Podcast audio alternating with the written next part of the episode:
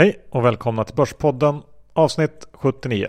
Med mig John Skogman. Och mig Johan Isaksson. 79 Johan, det är ju något eh, helt speciellt. Ja, det är lite extra faktiskt. Vilken var vår huvudsponsor nu igen Johan? Jag har hört rykten om att det var Skandinaviens största bank som var det. Du John, det stämmer bra. Det är Nordea.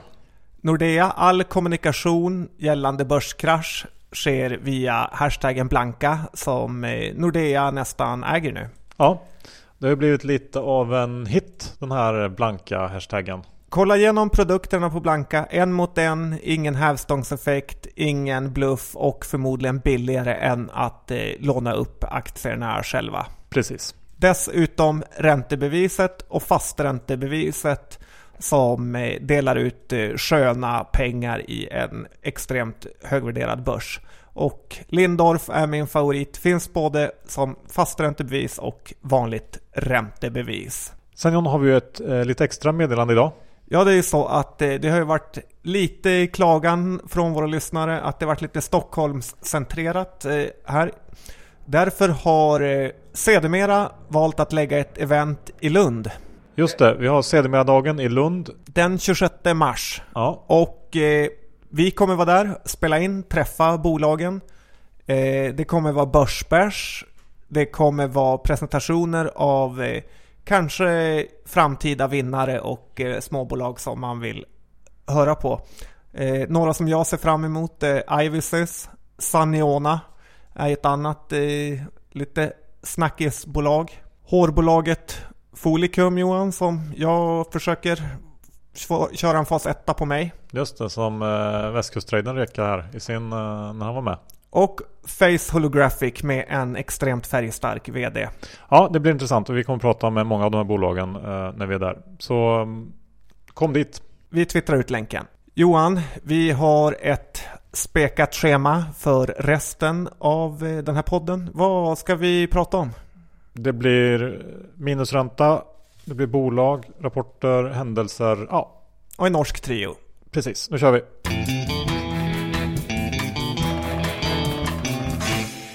Dr. Bass har kommit in i ett, eh, lite av ett stim här. Börsen har gått ner några dagar, toppar på 1700 och eh, redan idag är vi 1650.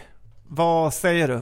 Ja, det känns ju lite bättre nu när vi har kommit ner lite grann. Men man får ju ändå komma ihåg att vi har gått ner eh, pytte, pytte lite. Vi har gått ner en dag och två timmar ungefär. Från att det har gått upp, eh, rakt upp i eh, tre månader. Så att det är ju inte konstigt att vi tappar lite grann. Och ja, jag skulle gärna se lite mer än så här innan jag blir nöjd. Om man säger så. Men jag tänkte John att vi skulle prata om den här minusräntan nu. Köra en liten eh, titt på den. Ja, det har ju varit en herrans massa snack. Ingves har fått rejält på mössan över det här. Men du har grävt lite djupare än de som bara letar efter att få gnälla. Det stämmer John. Och, som, och för att ge en liten bakgrund så är det faktiskt så att sen Liman föll där hösten 2008 så har vi haft 524 räntesänkningar eh, runt om i världen. Det är ganska mycket. Och nu är vi nere på minus, i alla fall i Sverige. Ska vi börja med att bara bena ut vad, varför, vad vill man uppnå med den här negativa räntan?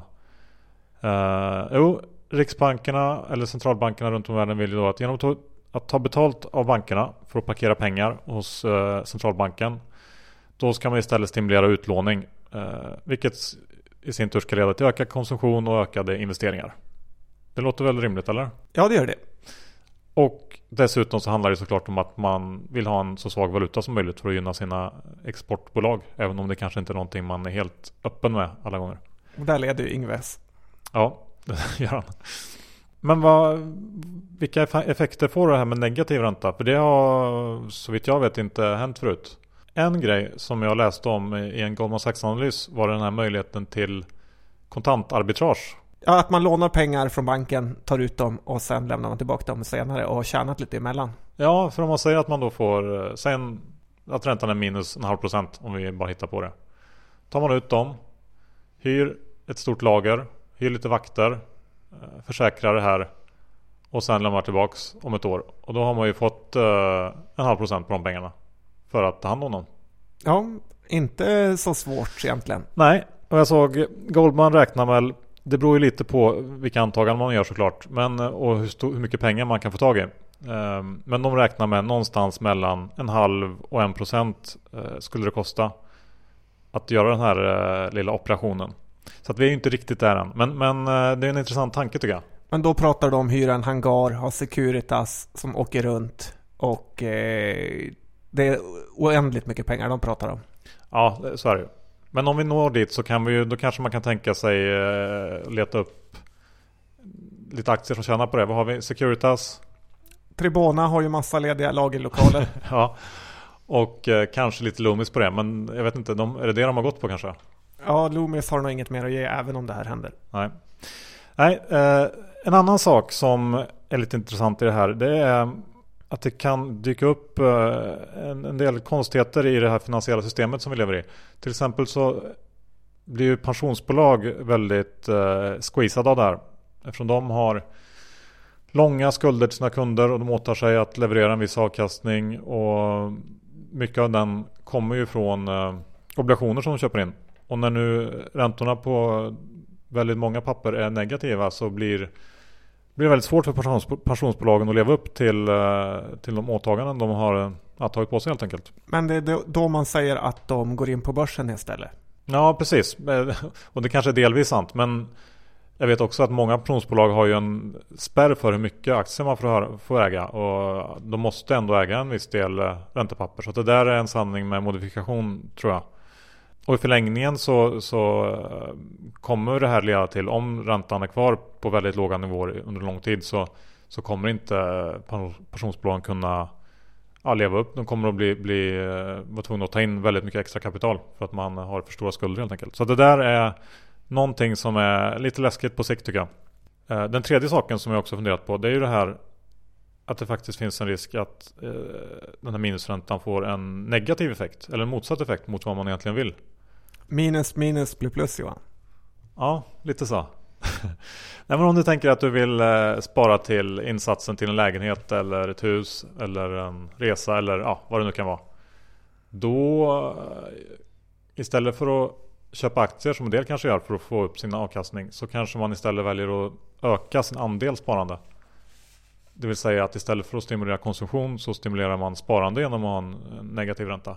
Ja, det låter ju rimligt om man tittar på Japan där folk sparar ihjäl sig. Ja, eller som det är i Kina där, där eh, också sparandet har ökat mycket vilket beror kanske mer på en, en otrygghetsgrej. Lite som vi pratade om förra veckan. att Det här Nordeas eh, trygghetsindex som var väldigt, eh, på väldigt låga nivåer. Om man känner sig otrygg så väljer man kanske att spara mer istället för att konsumera.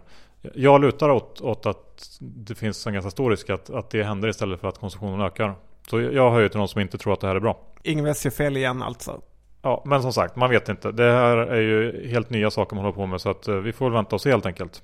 Spännande där i alla fall. Vad eh, har du tittat på veckan John? Jag har ju tittat på den här sensationen i Vardia då i princip eh, alla Sveriges värdebloggare har åkt på en fetingsmäll i det norska försäkringsbolaget som inte var så stabilt eh, som man kanske trodde.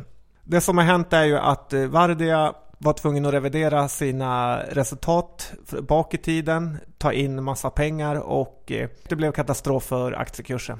Och ytterligare en sak med Vardia Johan. Vem är det som vill försäkra sitt hus hos eh, Vardia om det går så här dåligt?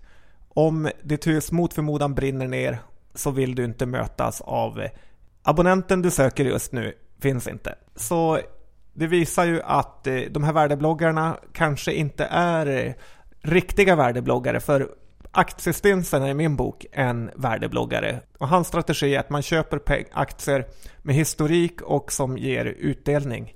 Då vet man att det är riktiga pengar och min favorit av de här bloggarna är ju faktiskt 4020 eh, som jag nämnt tidigare. Hur han har helt fenomenala uträkningar på vart eh, kassan tar vägen och ta en titt på hans hemsida om ni vill lära er lite mer om riktigt värde.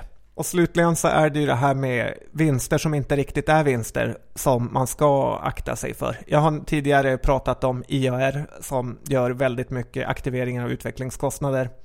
Det är den här typen, även om man inte kan dra alla över en kam, så är det just den här typen man ska se upp efter. Vinster som inte är riktiga vinster. Yes John. Men nu flyger vi över till flygbolagen istället. Vad har hänt där? Ja, SAS värsta konkurrent eh, Norwegian har ju fått sin aktiekurs eh, falla med 30% på en månad. Och eh, det har väl tagit fart här sista dagarna när ledningen har blivit rejält ovän med piloterna. Norwegians piloter har det ju i grund och botten väldigt uselt och en ingångslön för en styrman är 21 500. Eh, så att det, du tjänar mer på att vara förskollärare än på att vara Norwegian-pilot. I alla fall till en början. Sen är ett problem för flygbolag som många pratar om att flygbolagen är ju lite i gisslan på personalen. För att flygbolagen har så fantastiskt mycket höga fasta kostnader och eh, det blir väldigt dyrt när man ska boka om och boka av eh, resenärer på grund av strejker. Så att bara någon veckas strejk kostar ju liksom miljardbelopp för de här bolagen. Mm. Norwegian är extremt hårt belånad. Det här är ett bolag eh, att kanske köpa om det dippar mycket men också vara väldigt försiktig. Sen så måste vi ha lite fastighetssnack den här veckan också Jan. Ja, det är ju... Man letar sig längre och längre ut som det snackas om. Ja, och jag såg här i veckan att nu har ett gäng ganska tunga fastighetsprofiler, bland annat eh, Sven-Olof Johansson och Lennart Schuss, eh, gett sig in i Söderhamn och köpt hyresbostäder från det kommunala fastighetsbolaget där, Faxeholmen. Och Schuss säger till DI att eh, de vill finnas i lite mindre städer med en stabil befolkning. Och han hävdar också att det råder bostadsbrist i Söderhamn. Nu är det ju så att min fru kommer från Söderhamn och jag vet att det inte råder någon bostadsbrist i Söderhamn eftersom de river hyreshus på löpande band. Eh, jag tycker att det här är ett tecken på en ganska läskig riskvilja nu och att man letar sig längre och längre ut. Att det är stabil befolkningsmängd stämmer inte heller för att det, det, ja, det, det går inte särskilt bra i Söderhamn tyvärr. Det är bara så. Och jag har svårt att tänka mig en ort egentligen med sämre förutsättningar.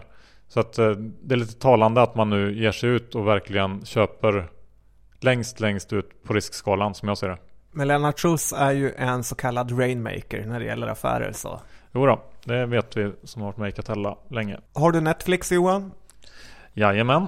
Jag med. Vi har ju sett att det kommit en ny säsong av House of Cards. Ja, härligt. Jag bara undrar lite vad Mavshack ska kontra med i det här läget. Ja, Ja, jag vet inte. Du, vad tror du? Det kommer ju vara tufft för Mavshack att kämpa med sådana här giganter. Särskilt när en prenumeration på Netflix kostar 10 dollar och på Mavshack 5. Jag behåller min extremt starka säljrekommendation på Mavshack och jag tror inte de kommer lyckas oavsett vad alla andra tror. Nej, vi får följa upp det där. Sen så får vi en del frågor om den här strategin att köpa aktier inför utdelningen och sen sälja efteråt för att man hoppas då att aktien inte ska tappa lika mycket som utdelningen är. Ja, vi pratade om det förra året Johan och eh, det finns en ganska klar strategi där som jag egentligen inte vill eh, säga men jag gör det för att eh, ni är utvalda, ni som lyssnar. Okej, okay, och det? Det är att köp i de bolagen där man inte köper för utdelningen. Köper ni Telia så kan ni ger 17 på att den här aktien kommer gå ner mer än 3 kronor den dagen utdelningen avskiljs. Köper ni till exempel Axis, Elekta, Hexagon, alltså bolag man verkligen inte köper för att få utdelningen, då kan ni få den gratis. Ni måste tänka som alla andra inte tänker. Bra där, då har vi fått det utklarat. Och John, avslutningsvis här i sista delen. Ska vi ta och gå igenom hela Warren Buffetts eh, brev som kom ut här i helgen? Nej men det ska vi inte Johan, för vi ska göra en annan sak. Ja, vadå? Vi ska åka dit till Omaha i maj för att få en one-on-one med Charlie och Warren. De har inte svarat ja eller nej ännu, men jag mejlar frekvent. Ja, så vi räknar med det. Om inte det så kommer vi i alla fall att prata med eh, Sveriges mini-Warren. Ja, Per H Börjesson har varit extremt hjälpsam i planeringen av den här resan och eh, vi kommer träffa han borta i Omaha över en bärs och sända ut det till er. Ja, och eh, försöka träffa så mycket intressanta människor som möjligt på den här resan. Så det blir Börspoddens eh, stora... Vårresa. Ja. Vi lägger till också att vi kommer ta en sväng förbi New York. Så känner ni någon som känner någon som känner någon som kan vara kul för podden skicka ett mejl.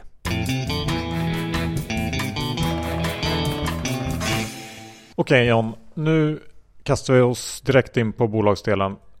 Vi tittar på Norge nu. Ja, du vet ju att jag kan prata norska. ja, precis. Du är nästan eh, förvillande likt en norrman. Men om du switchar över till eh, eh din svenska istället så tänkte jag att du skulle få eh, presentera dina tre top case i Norge. Ja, det är ju så att Norge har ju förnedrat hela världen i längdskidåkning. Det är i och för sig bara Norge och Sverige och Finland som riktigt håller på med längdskidåkning. Men de får vara nöjda med det. Många tror ju att det bara finns eh, oljerelaterat i Norge, men det finns faktiskt en hel del andra roliga saker. Och nu när den svenska börsen har gått eh, som tåget, framförallt eh, de mindre bolagen, så har jag varit och kikat på de mindre listorna för att eh, hitta några köpvärda bolag som är ganska billiga och har även tillväxt. Ja, låt höra. Det första är bolaget Aqua de gör burar och dataprogram och servar sådana här uh, cage farming, alltså att eh, lax eh, i bur, som laxodlingar som finns överallt i mm. världen. Kanada, Chile och framförallt Norge. De säljer utrustning, dataprogram som sagt och eh, det går ganska bra för det här bolaget. De växer bra, de har bra finanser, de delar ut bra med pengar. Man brukar ju säga att man inte ska köpa, leta efter guldet utan man ska vara den som säljer spadarna till eh, guldletarna. Och det är, kan hända rätt mycket speciella grejer med laxodlingar. Det är sjukdomar och det är det ena med det fjärde. Men är du den som säljer burarna och eh, det andra utrustningen man behöver så har du ändå säkra pengar. Ja, intressant. Det får jag kolla mer på. Jag hade inte någon koll på alls. Aqua, alltså. Yes, nummer två. Nummer två är ett bolag som både du och jag har tittat. Eh, Snåljåpen, Olle Kvarnström har också hittat det. Och det heter Salaris. Mm. Säger jag rätt? Ja, jag vet inte riktigt. Jag tror det. Där har jag faktiskt, jag får till, innan du säger något får jag säga att jag har faktiskt köpt lite aktier där. Du ligger före mig Johan. Det är lite som det amerikanska superbolaget ADP, Automatic Data Processing, eh, som har en värdering kring P30 och har delat ut pengar i, höjt sin utdelning i 30 år.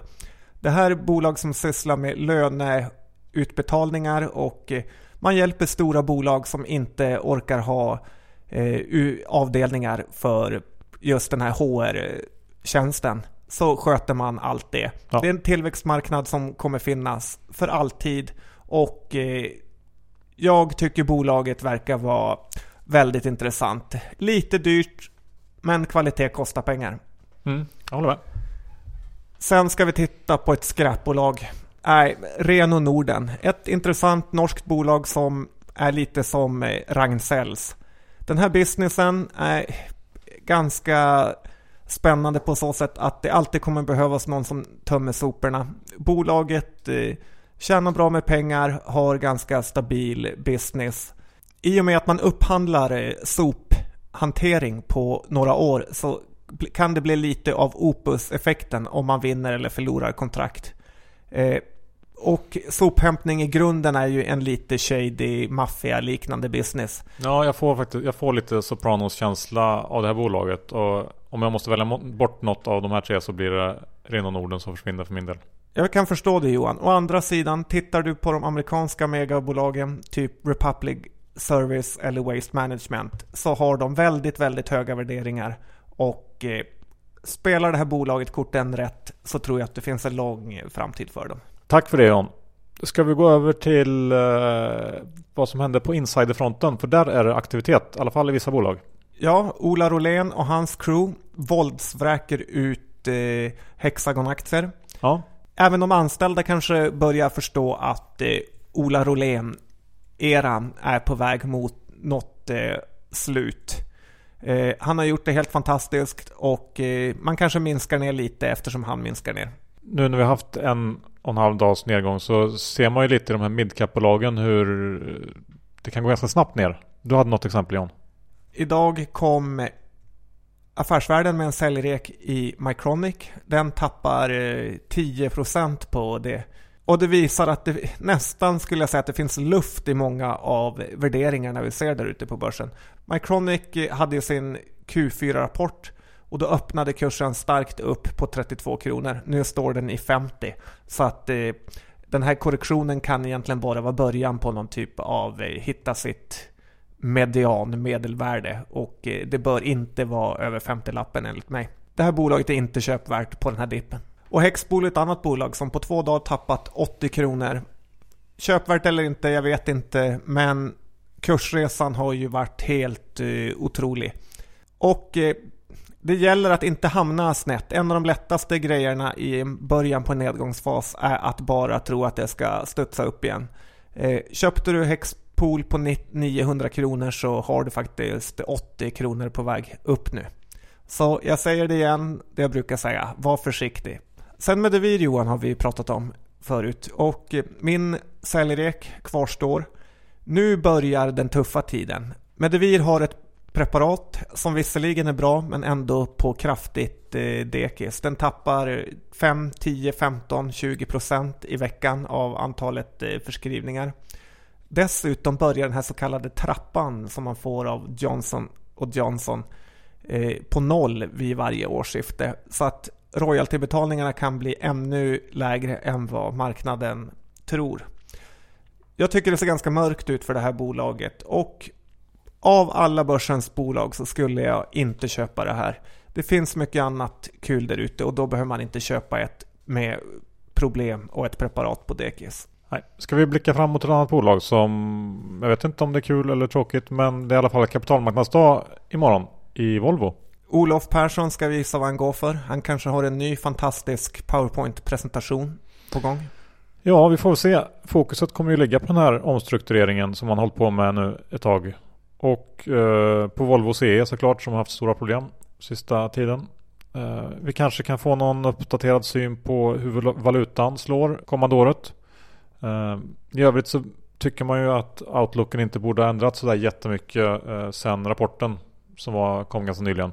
Men jag tycker ändå att man kan ana, i alla fall eh, tidigare här när aktien var över 100-lappen, men att eh, marknaden nog vill ha någon typ av lite positiv känsla med sig i alla fall från den här kapitalmarknadsdagen. Med tanke på hur starkt aktien har gått. Det känns som att det kan bli en risk för lite besvikelse där om det inte kommer någon, någon liten köttbit till aktiemarknaden. Ja, och Johan, du är en av de eh, starkaste förespråkarna av uppdelning av Volvo. Du och Christer. Jag har tittat på Novo Nordisk som ska notera sitt IT-bolag, NNIT, Novo, Novo Nordisk IT. Eh, jag har kollat med mina London-kontakter och det är ett helt vansinnigt eh, sug efter NNIT-aktier. Jag har gjort vad jag kan för att se om det går att teckna, men ingen bank i Sverige vill hjälpa en och enligt dem måste man vara dansk eller ha danskt konto. Så alla ni Skåne svenskar eller svenskar som bor i Danmark och eh, har konto där eller om det är någon dansk som lyssnar. Så teckna Novo Nordisk, det kommer bli en superaffär. Men även ett tips till Volvo. Sälj ut Volvo IT. Ni kommer få bra betalt. Ja, och när vi ändå är inne på Danmark så noterade jag att eh, Bilja gör som ekonomen, drar sig ur Danmark. Äntligen får man väl säga och grattis. Vad är det egentligen som gör det så svårt för svenska bolag att lyckas i Danmark? Danmarks, eh, Danmarks affärskultur är ju väldigt mycket mer mot eh, småföretagande och eh, det är bara att titta på tv-serien Bron så ser man att det är omöjligt för svenskar och danskar att jobba ihop på ett vettigt sätt. Okej, okay, så där har vi har hela förklaringen där. Alla som håller på med affärer i Danmark, titta på Bron. Gör det innan ni startar. Sen vill jag gratulera dig Johan som gav eh, rådet. Sen vill jag gratulera dig Johan som köpte säljoptioner inför Elektas rapport och även eh, gick ut med det i podden. Så jag hoppas fler följde. Det blev en ganska bra hacka va? Ja, det var skoj om. Du är så blyg. Men vad hände egentligen? Det var ju en helt katastrofalt dålig rapport. Och varför går den inte ner mer? Den är ner 7,5% idag. Jag kan tycka att det är alldeles för lite. Och varför tror man fortfarande på den här vdn? Som under varje kvartal sedan han blev vd har gravt eh, missat alla förväntningar och all sin guidance. Och han står ändå fast vid helårsprognosen. Eh, vilket gör tror jag att, att aktien ändå klarar sig hyggligt. Men han har mycket i pipen. Ja, jättemycket i pipen har de säger de.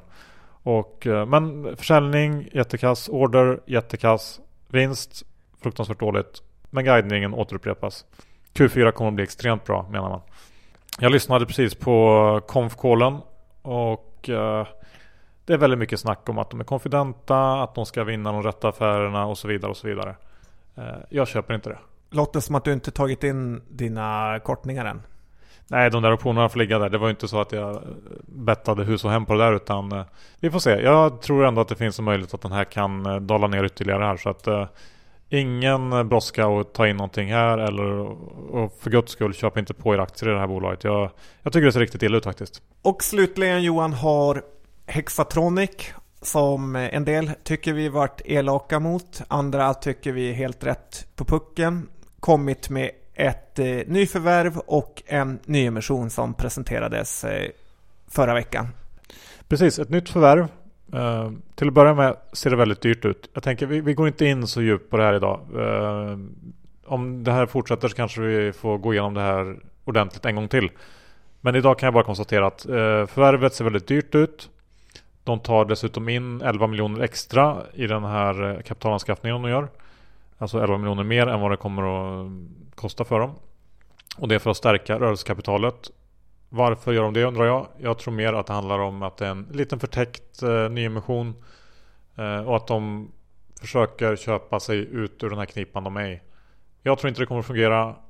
Säljreken står lika eh, stadig som de gjorde för några veckor sedan när vi först initierade det här. Tycker snarare att det här bekräftar eh, vår tes. Och tittar man på hur aktien rör sig så känns det faktiskt eh, som att vi är helt rätt ute.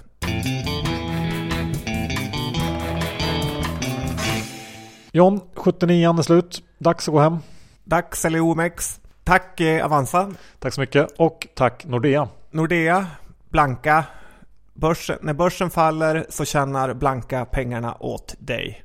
Titta in fasträntebeviset, vanliga räntebeviset och hashtagga Blanka om ni vill Nordea något på Twitter. Ja. Och kom nu till sedermera-dagen i Lund 26 mars. Ja, vi kommer vara där. Börsbärsen kommer stå på bordet och eh, det är faktiskt rätt kul att det händer något utanför Estocolmo för oss båda som är invandrare Johan. Ja, faktiskt. Så det blir en dag att se fram emot. Vi skickar ut anmälningslänken på Twitter. Så ses vi kanske där. Tack och hej! Hej!